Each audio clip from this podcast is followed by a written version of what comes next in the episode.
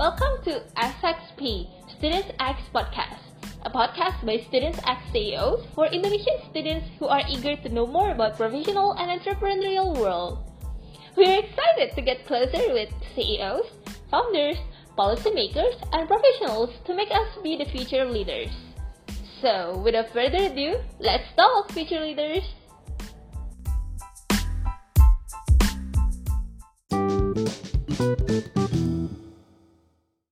Nah, di podcast perdana kali ini kita akan membahas mengenai tips dalam membuka startup bagi pemula, terutama di kalangan mahasiswa nih. Ngomongin masalah ide usaha, kadang banyak dijumpai di kalangan mahasiswa yang memiliki keinginan untuk merintis sebuah usaha. Namun, karena terlalu banyak alasan atau kekhawatiran, kita jadi susah nih untuk melangkah. Bisa jadi karena kita ragu-ragu atau kita belum tahu harus mulai dari mana. Nah, teman-teman pasti penasaran kan bagaimana sih orang-orang memulai bisnis rintisan mereka? Kali ini kita kedatangan pembicara yang sudah memiliki banyak pengalaman nih, terutama dalam dunia startup, yaitu Kak Fatih Naufal Nur Islam atau yang akrab dia sapa Kak Naufal, founder dari GiFood. Langsung saja ya, kita tanya ke pembicara kita, bagaimana sih langkah awal untuk membuka sebuah startup? Baik, uh, startup sendiri um, mungkin memang lagi populer belakangan tahun ini ya. Uh, dulu mungkin tidak sepopuler sekarang gitu istilahnya pun definisi startup sekarang juga uh, setiap orang punya definisinya masing-masing lah. Ada pendapat ini mengatakan ini, ada yang mengatakan itu. Memang karena belum ada KBBI-nya gitu ya, belum ada istilah baku yang mendefinisikan startup. Jadi mungkin bisa macam-macam. Cuman kalau kita maknai secara kata ini sebagai sebuah hal yang kita rintis gitu ya, uh, atau mungkin usaha rintisan gitu ya, atau bisa jadi ada yang mengatakan nggak harus teknologi gitu ya dan bisa apa pun bahkan bisnis model yang belum jelas gitu ya masih mencari bisnis model terbaik masih apa namanya masih penuh dengan ketidakpastian masih starting banget masih terus mencari bentuk yang terbaik ya bisa jadi itu juga startup. Nah kalau kita mengambil definisi yang umum dipakai gitu ya sebagai usaha yang dirintis dengan harapan bisa segera menemukan bisnis model dan growth-nya nanti akan cepat harapannya gitu ya akan terus melejit begitu maka yang bisa kita lakukan di awal untuk bikin startup kita memahami dulu apa itu uh, kebutuhan atau masalah yang terjadi di uh, sekitar kita gitu ya. Jadi start with problem sih. Itu start paling sederhana, yang paling fundamental adalah kita mulai dari melihat masalah. Kita harus peka nih sama masalah yang ada di sekitar kita. Saya yakin hidupnya teman-teman nggak mungkin nggak ada masalah ya. Pasti ada itu masalahnya. Dan setiap orang pasti punya banyak masalah yang yang pasti sangat banyak lah. Apalagi di Indonesia yang uh, kita tahu sendiri belum semuanya uh, sudah uh, berjalan dengan baik gitu. Pasti banyak masalah yang bisa kita angkat. Nah kalau mindsetnya entrepreneur, Eh, melihat masalah jadi peluang nih. Jadi dari situ kita bisa bikin banyak hal, bisa bikin banyak karya, kita bisa bikin banyak startup dari berbagai masalah itu. Jadi kita peka dulu sama yang ada di sekitar nih. Nah, nanti kita baru tentukan kira-kira bisa ngasih solusi atau ide apa untuk menyelesaikan masalah itu yang kira-kira bisa kita bisniskan jadi sebuah startup. Kayak gitu sih. Jadi yang pertama, teman-teman semua harus peka terhadap kondisi di sekitar kita. Dari masalah yang ada, kita munculkan ide untuk mengatasi masalah tersebut melalui bisnis yang akan kita rintis. Kalau kata Kak Naufal nih, melihat masalah menjadi peluang. Lalu Kak, dalam memulai startup itu pasti membutuhkan modal yang besar kan? Dari mana sih uang yang didapat untuk modal? Apalagi kita kan masih mahasiswa. Ya, ini mungkin sering ditanyain ya soal modal apalagi nih mahasiswa kan mungkin kondisinya tidak sebermodal yang sudah lulus dari kampus atau sudah bekerja ya. Dan tentunya ini sering kali menjadi alasan begitu untuk uh, apa ya memulai dan menjadi hambatan juga gitu untuk mayoritas yang masih mahasiswa. Tapi sebenarnya kalau kita lihat lebih dalam, lebih uh, deep lagi kalau kita cek startup itu kalau memang kita mainnya di IT justru malah modalnya itu sebenarnya nggak begitu besar ketimbang kita bikin yang non IT kalau memang ini startupnya startup IT ya. Tapi kalau startupnya non IT mungkin akan sangat kerasa modalnya ketika kita membeli berbagai bahan baku atau uh, apa namanya investasi lainnya yang dalam bentuk barang ataupun bangunan dan sebagainya Nah, kalau di startup IT sendiri karena semuanya itu bentuknya digital gitu ya, mayoritas itu digital, sebenarnya itu lebih murah gitu. Terlebih kalau memang semuanya kita eh, develop sendiri, kita nggak pakai pihak ketiga atau nggak pakai vendor. Misalkan kita mau bikin aplikasi, mau bikin website, semuanya di handle sendiri, semuanya dibikin sendiri oleh para foundersnya, para pencetusnya begitu, itu bisa lebih murah karena kita nggak perlu membayar jasa untuk pembuatan itu karena sudah semuanya dari dari kita sendiri sebagai foundernya. Paling hanya keluar untuk domain dan hosting, server, dan hal-hal yang memang menjadi infrastruktur teknologi IT sih. Dan itu bisa jadi di bawah satu juta kalau untuk starting di awal. Jadi sangat murah dan sangat terjangkau untuk para mahasiswa apalagi sekarang banyak banget lomba-lomba, banyak banget uh, apa akses dana, hibah ataupun investasi yang lagi kenceng nih di Indonesia belakangan ini kan memang concernnya pemerintah juga lagi ke situ. Jadi bisa banget kita manfaatkan nih. Uh, ada dari ke, setiap kementerian sekarang malah berlomba-lomba punya uh, program untuk pengembangan startup sendiri-sendiri tuh dari apa namanya Baycraft dulu ya, terus dari apa Kemenperin, dari Kemenristek, banyak banget bahkan kemarin teman lu juga bikin gitu jadi banyak banget yang bisa kita akses Nah, sebenarnya teman-teman tidak perlu takut terkendala modal dalam memulai startup. Kalau kita sudah ada niat, semuanya pasti dipermudah kok. Apalagi ketika kita membuat startup yang berbentuk IP, sangat terjangkau nih di kalangan mahasiswa. Selain itu, banyak juga kementerian yang memiliki program pengembangan startup. Jadi, bisa kita manfaatkan peluang tersebut. Pertanyaan selanjutnya nih Kak, ketika startup sudah mulai berjalan, banyak sekali startup-startup yang menerapkan mentalitas bakar duit, sehingga untuk menarik user harus mengeluarkan uang yang banyak. Menurut Kak Noval sendiri, bagaimana sih terhadap hal tersebut? ya, menarik ya. Mungkin memang uh, itu yang dilihat secara awam ya, tentang membakar duit begitu. Cuman sebenarnya um, startup tidak perlu harus begitu ya, kan tergantung bisnis model yang pengen dicapai. Ada memang startup yang memang bisnis modelnya adalah uh, mencari growth secepat mungkin, sebanyak setinggi mungkin capaian growth-nya dan akan menuai hasilnya ketika nanti mencapai titik tertentu begitu. Jadi mereka banyak menggelontorkan uang atau orang bilang membakar duit gitu ya untuk menikmati hasilnya nanti yang besar gitu ya ketika mencapai titik tertentu. Tapi ada juga kok startup-startup yang bisnis modelnya nggak seperti itu, yang dia dari awal pun sudah generate revenue gitu ya, sudah menghasilkan uang, sudah menghasilkan pendapatan.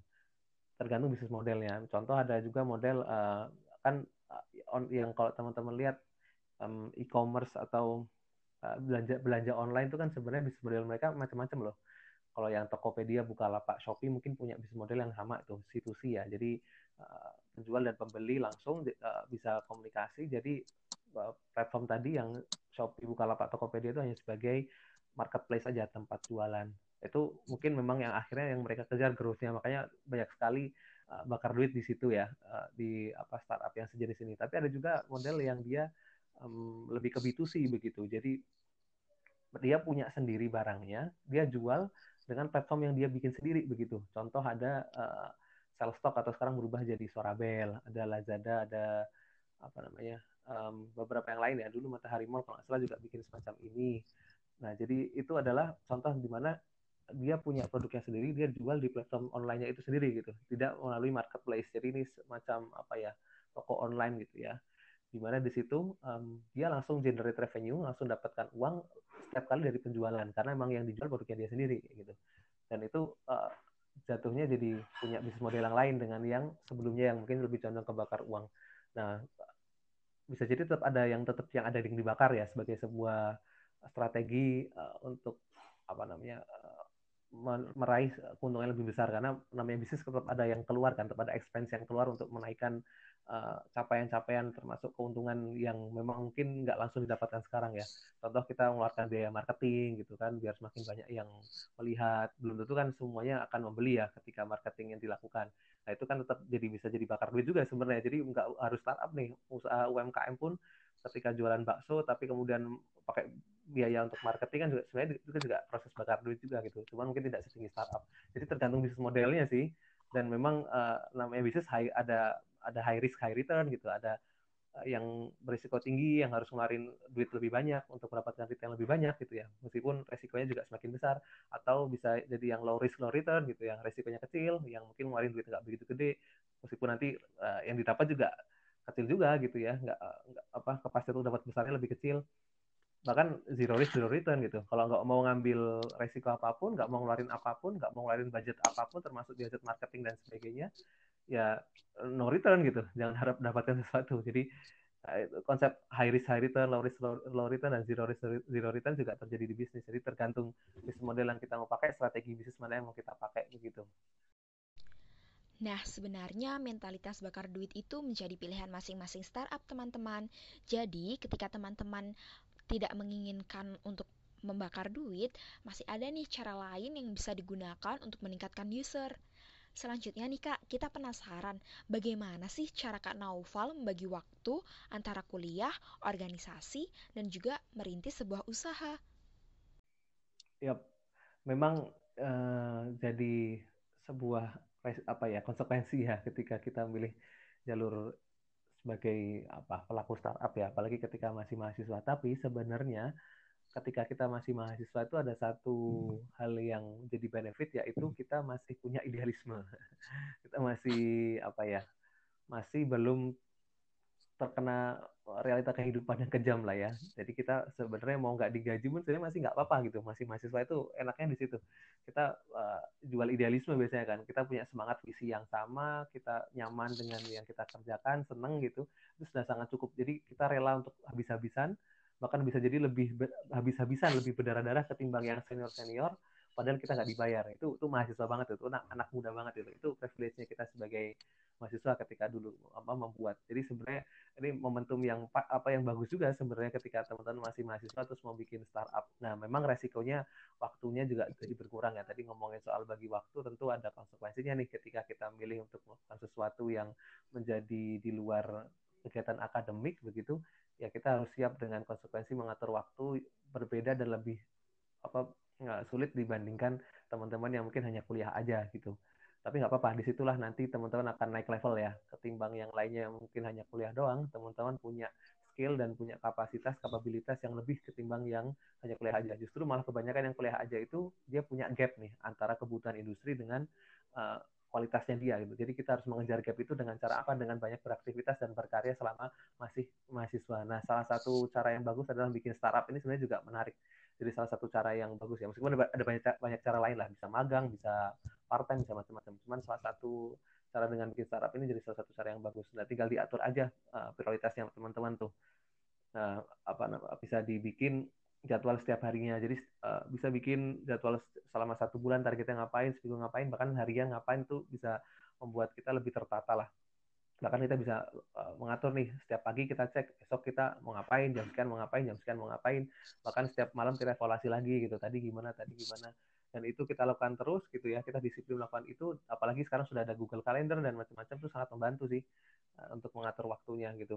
Dan memang akhirnya resikonya berarti ada beberapa waktu lain yang berkurang ya. Waktu bermain dengan teman waktu tidur waktu istirahat itu kan berarti berkurang. Nah itu resiko yang teman-teman harus terima. Untuk naik level ya itu memang resiko yang teman-teman terima begitu. Nah, tinggal diatur prioritasnya yang mana gitu ya. Nah, terserah lah ya teman-teman mau berapa persen. Dari 100 persennya teman-teman kan manusia tuh terbatas ya nggak bisa 100 persen di semuanya. Nah dari 100 persennya teman-teman diatur mana misalkan 30 persen untuk bisnis 30 persen untuk kuliah 20 persen untuk istirahat 10 persen untuk apa. Nah itu bisa teman-teman atur sesuai dengan uh, kebutuhan dan rencananya teman-teman sendiri. Dan semakin teman-teman uh, memprioritaskan ya hasilnya juga tentu akan semakin maksimal. Jadi teman-teman yang tahulah uh, mau ke arah mana. Dan itu yang saya coba lakukan juga dulu selama di kampus dengan konsekuensi-konsekuensi yang saya alami juga. Yang berarti saya juga harus lebih mengurangi waktu-waktu yang lain kayak main dan istirahat bahkan mohon maaf ketika dulu kuliahnya jadi agak molor gitu ya karena mungkin di sisi ini ya nggak perlu nggak perlu dicontoh lah itu soal apa lulusnya. Tapi ketika saya belum lulus, teman-teman yang lain sudah pada lulus, pada cari kerja, saya sudah dapat pendapatan. ya sedikit ini aja, sedikit intermezzo. Ya itu itu konsekuensi yang saya ambil dan pilihan yang saya ambil kan. Jadi tergantung teman-teman mau pilih jalur yang seperti apa. Intinya seperti itu sih. Semoga bisa menjawab ya. Menarik sekali nih teman-teman jika kita mendengarkan cerita dari Kak Naufal. Sejauh ini aja sudah banyak ilmu dan pengalaman yang bisa kita ambil. Lalu, apa saja sih tantangan yang Kak Naufal rasakan dalam menjalankan startup ini? Dan tips dari Kak Naufal yang bisa diberikan untuk teman-teman semua? Ya, kalau dulu itu mungkin yang paling kerasa pertama mungkin modal ya, tapi dulu modal uh, alhamdulillah gitu perlahan-lahan akhirnya kita bisa menemukan lewat uh, lomba-lomba tadi terus akhir akhirnya juga kita sampai dapat project juga yang bisa menghidupi kita. Kalaupun masalah yang lain bisa jadi yang paling kerasa juga soal tim sih. Nah, tim ini mayoritas orang juga kayaknya ngalamin karena berapa kali ada teman atau adik tingkat yang curhat juga biasanya ngomongin soal kondisi internal tim mereka gitu. Bisa jadi ini memang ini jadi masalah yang dialami banyak orang menjaga tim tetap semangat, tetap solid, tetap bisa bertahan gitu ya eh, untuk bisa kompak dan sebagainya itu mungkin jadi tantangan yang saya juga alami banget itu ketika uh, bikin di awal-awal karena kita kan nggak menggaji mereka juga ya dan mereka pasti masih punya kesibukan lain contoh kesibukan akademik lah ada yang skripsi ada yang macam-macam gitu. Dan belum tentu semangat mereka juga on terus kan eh, bisa jadi naik turun. Dan anak muda kan juga bisa jadi memang apa eh, apa ya masih labil juga beberapa kan belum semuanya sepenuhnya dewasa. Dan bisa jadi setiap orang punya kelebihan dan kekurangan, punya preferensi kerjanya masing-masing, punya cara pandangnya masing-masing. Nah, itu yang jadi tantangan banget yang saya alami gitu menjaga tim tetap konsisten, tetap bersatu, tetap solid, tetap bagus progresnya. Nah, mungkin kalau saran saya, um, gimana sih bikin tim jadi solid gitu ya? Sebenarnya um, memang ini susah-susah gampang ya, tidak semudah mengucapkannya. Cuman kalau saya amati dari pengalaman saya dari organisasi kampus, dari SMA sampai organisasi di lingkup bisnis begitu, saya rasa ada tiga hal sebenarnya yang membuat tim ini menjadi solid begitu ya, menjadi um, apa namanya paling tidak kuat untuk bertahan gitu um, yang pertama soal kesamaan visi, kedua terkait kekeluargaan, ketiga terkait uang gitu. Gampangannya kalau teman-teman datang di sebuah rapat atau datang di sebuah organisasi atau uh, kelompok atau bisnis begitu, um, teman-teman antara memang karena sama visinya begitu ya, misalkan ya ini mungkin gampangannya kayak organisasi di kampus lah. Teman-teman datang ke organisasi kampus antara sama visinya gitu ya. Aku memang punya visi yang sama dengan organisasi ini jadi teman-teman datang nih ke rapatnya atau teman-teman karena nyaman dengan kekeluargaannya gitu ya. Aku nyaman nih di di lingkungan ini sama teman-teman ini atau karena ada si dia gitu ya.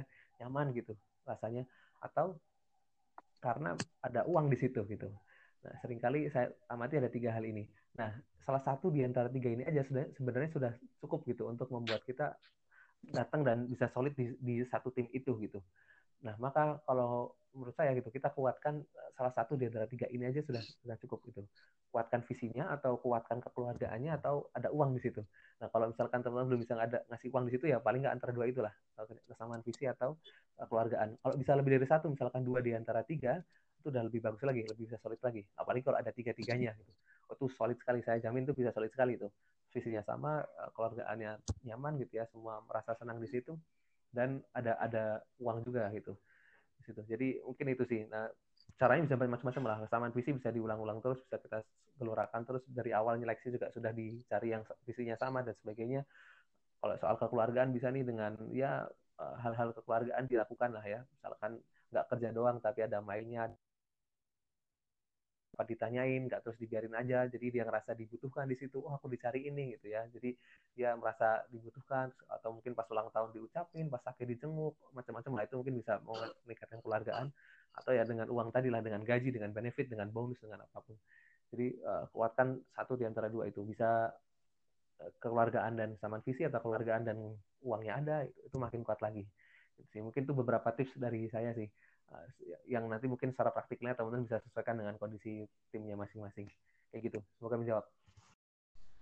Wah, tidak terasa ya. Ternyata kita sudah ngomongin banyak hal nih terkait dengan bagaimana cara merintis sebuah startup, kemudian dari mana modal yang didapat, bagaimana cara membagi waktu antara kuliah dengan menjalankan bisnis, tantangan yang dihadapi, dan juga tips-tips yang diberikan untuk teman-teman semua.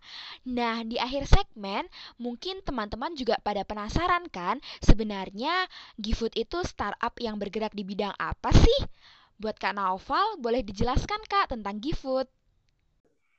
Oke, makasih pertanyaannya. Jadi, uh, GiFood ini sebenarnya kita bikin ketika mas masih mahasiswa semua dengan visi pengen mengurangi makanan berlebih yang terbuang karena dulu tuh sering banget saya sama teman-teman bikin event karena sering aktif di organisasi kampus nyediain makanan kan otomatis tuh konsumsi dan sebagainya. Itu nyediain 100 misalkan eh yang kemakan cuma 70 dan sering kali begitu tuh. Kita pesen le apa lebih karena memang kita jaga-jaga kan gitu. Lebih baik lebih ketimbang kurang gitu kan mindsetnya. Dan sering kali justru malah terjadi berlebih dan bingung ketika ada kelebihan mau dikemanakan. Padahal kita kalau ngelihat di tem tempat yang nggak jauh dari kita bikin event masih banyak tuh orang-orang yang masih kelaparan dan kita pernah wawancara juga gitu ya bikin semacam video singkat pakai YouTube. Uh, mereka rela tuh makan cuma sehari sekali atau nggak makan sama sekali yang penting anak istri di rumah bisa makan dan sebagainya. Jadi di tempat yang nggak jauh itu ada makanan terbuang, ada uh, orang yang butuh makan. Kita makin tercengang lagi ketika kita lihat data tuh bahwa ternyata Indonesia banyak banget buang makanan, 13 juta ton per tahun, data dari PBB ini, dan itu menyebabkan Indonesia menjadi nomor dua terbesar sedunia sebagai pembuang makanan. Itu mungkin kita makin geleng-geleng ya, oh gila nih, Indonesia banyak banget nih buang makanan. Padahal secara uh, jumlah orang yang kelaparan di Indonesia juga masih banyak tuh. 19,4 juta orang setiap tahun dan beberapa hunger index Indonesia juga masih di kategori yang serius ya. Jadi kita masih bukan jadi negara yang sudah sejahtera, masih banyak orang yang membutuhkan makan. Jumlah orang miskin juga masih banyak di Indonesia. Jadi kita mikir ini kan lucu ya, bisa-bisanya di tempat, satu tempat yang sama ada makanan sebegitu banyak yang terbuang, tapi ada juga banyak orang yang masih kelaparan di tempat yang sama. Berarti kan kita mikir ini sebenarnya yang kelaparan bukan karena nggak ada makanan gitu, bukan kayak di Afrika contohnya lah ya yang sampai busung lapar tuh bukan, tapi ini karena nggak ada akses aja berarti nih, tidak ada koneksi di antara yang punya makanan berlebih dengan yang membutuhkan. Jadi kenapa nggak kita hubungkan aja nih dengan teknologi digital? Seringkali sekarang teknologi digital sudah berhasil menghubungkan kebaikan-kebaikan yang ada. Nah, kenapa nggak kita manfaatkan yang sama untuk menyelesaikan masalah ini? Ya, jadilah platform GiFood ini gitu untuk menghubungkan mereka yang punya makanan berlebih dengan mereka yang lebih membutuhkan. Jadi ketimbang makanannya terbuang, ketika lebih, kenapa nggak dibagikan saja kepada yang membutuhkan. Kata GiFood sebenarnya dari kata give food ya, memberi makan. Bukan pesetan dari GoFood ya. Beberapa orang mengira uh, pesetan dari GoFood gitu. Ini bukan ini uh, apa dari kata give food memberi makan. Kayak gitu. Dan awalnya emang kita purely sosial gitu ya. Sampai di satu titik kita akhirnya juga kerjasama dengan pihak lain buat uh, apa dapat pemasukan dari situ gitu. Uh, dan jadi CEO-nya sudah ada Wiki Aditya namanya yang jadi CEO yang baru sedang menggodok bisnis model yang baru seperti apa yang kira-kira bisa bikin ini jadi lebih sustainable secara ekonomi. Karena mau sesosial apa pun kita mau itu startup mau itu apa namanya uh, komunitas yayasan dan sebagainya tetap akhirnya tetap butuh uang kan? Nah kita mungkin sebagai social enterprise butuh banget ini uh, kalau kalau biasanya kita pakai PWA Progressive Web App bisa dicek di app.gifood.id di situ bisa saling berbagi makanan cuman um, kita lagi develop yang baru. Jadi sementara itu masih platform yang lama lah. Meskipun masih bisa dibuka masih bisa dicek-cek tapi itu bukan yang terbaru sebenarnya. Uh, itu itu kenapa kita pakai yang PWA itu karena sebenarnya itu lebih efisien ya karena nggak perlu harus download sebenarnya. Karena kalau kalau aplikasi kan misalkan aplikasi Android ya itu harus download. Jadi kalau member HP-nya sering penuh harus uninstall aplikasi lain buat download yang baru ya bahkan kalau HP-nya iOS kita harus bikin aplikasi satu lagi gitu. Nah kalau pakai PWA mau iOS atau Android sama-sama bisa menggunakan bahkan nggak perlu harus download gitu. Tapi sudah berfungsi layaknya aplikasi kayak gitu sih. Jadi uh, ke depan mungkin akan banyak dilakukan improvement dari CEO yang baru yaitu Dwiki ya kita nantikan saja apakah ada keberatan baru gitu dari teman-teman GiFood yang sekarang. Jadi sih mungkin karena lebih kayak gitu soal GiFood. Nah, menarik sekali ya teman-teman cerita Kak Naufal tentang GiFood ini. Berawal dari permasalahan yang ada di sekitar dan niat baik untuk membantu sesama, maka terciptalah ide startup GiFood ini. Terima kasih banyak Kak Naufal sudah meluangkan waktu untuk bercerita di podcast perdana Student CEOs Chapter Yogyakarta. Untuk teman-teman yang tertarik di bidang bisnis, nantikan podcast selanjutnya dari Student CEOs Chapter Yogyakarta yang pasti tidak kalah menarik. Sampai jumpa di podcast selanjutnya.